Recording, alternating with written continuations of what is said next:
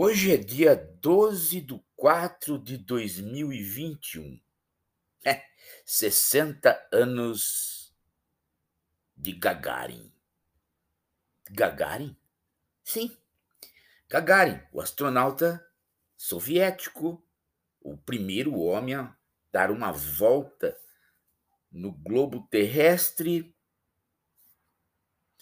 Hoje, exatamente hoje, faz 60 anos deste acontecimento. Documentos mostram agora, e os jornais publicaram, que Gagarin não fez um voo tranquilo, que as coisas saíram todas elas erradas. E como um Mr. Magoo, todas elas saíram certas. O fato é que quando Gagarin voltou, ele era um herói, veio para o Brasil e no Brasil ele virou um popstar, mais do que em qualquer outro país. Gagarin, de fato, era um soviético. Ele era tão soviético que quando ele caiu, quando ele estava no chão, o paraquedas torto, numa fazenda, apareceu lá o fazendeiro e sua filha, que ficaram com medo daquele homem. Na... E ele disse: Vim em paz, sou um cidadão soviético como vocês. Arranje um telefone para que eu fale com Moscou. nada mais cinematográfico e nada mais soviético do que isso. Mas também muito soviético foram as falhas. Gagarin atravessou tudo aquilo para reentrar na atmosfera terrestre com 12 vezes mais do que o seu peso. O jovem de 27 anos certamente poderia ter morrido. Mas até aí, Gagarin de fato foi um herói. Ele resistiu e quando puxou paraquedas, mais uma vez a mecânica soviética famosa não funcionou. E ele veio com paraquedas torto mesmo, pela metade, para a glória. Uma glória que estava já marcada para acabar.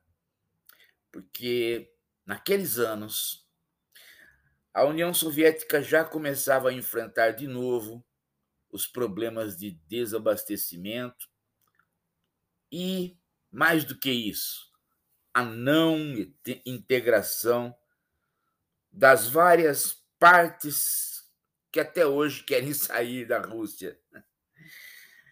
A famosa União Soviética nunca conseguiu ser de fato uma união, do mesmo jeito que a Federação Russa. Hoje mesmo, hoje mesmo, pode estar aí enfrentando outras dissidências. Gagarin não foi fruto só da União Soviética. Ele foi fruto também do socialismo. O esforço terrível para superar os americanos foi feito em nome do socialismo e não em nome da União Soviética.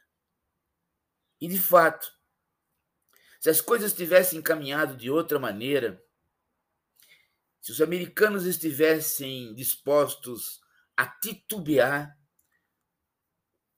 o socialismo teria feito muito mais, porque a tecnologia que Gagarin usou, os americanos naquele momento não possuíam.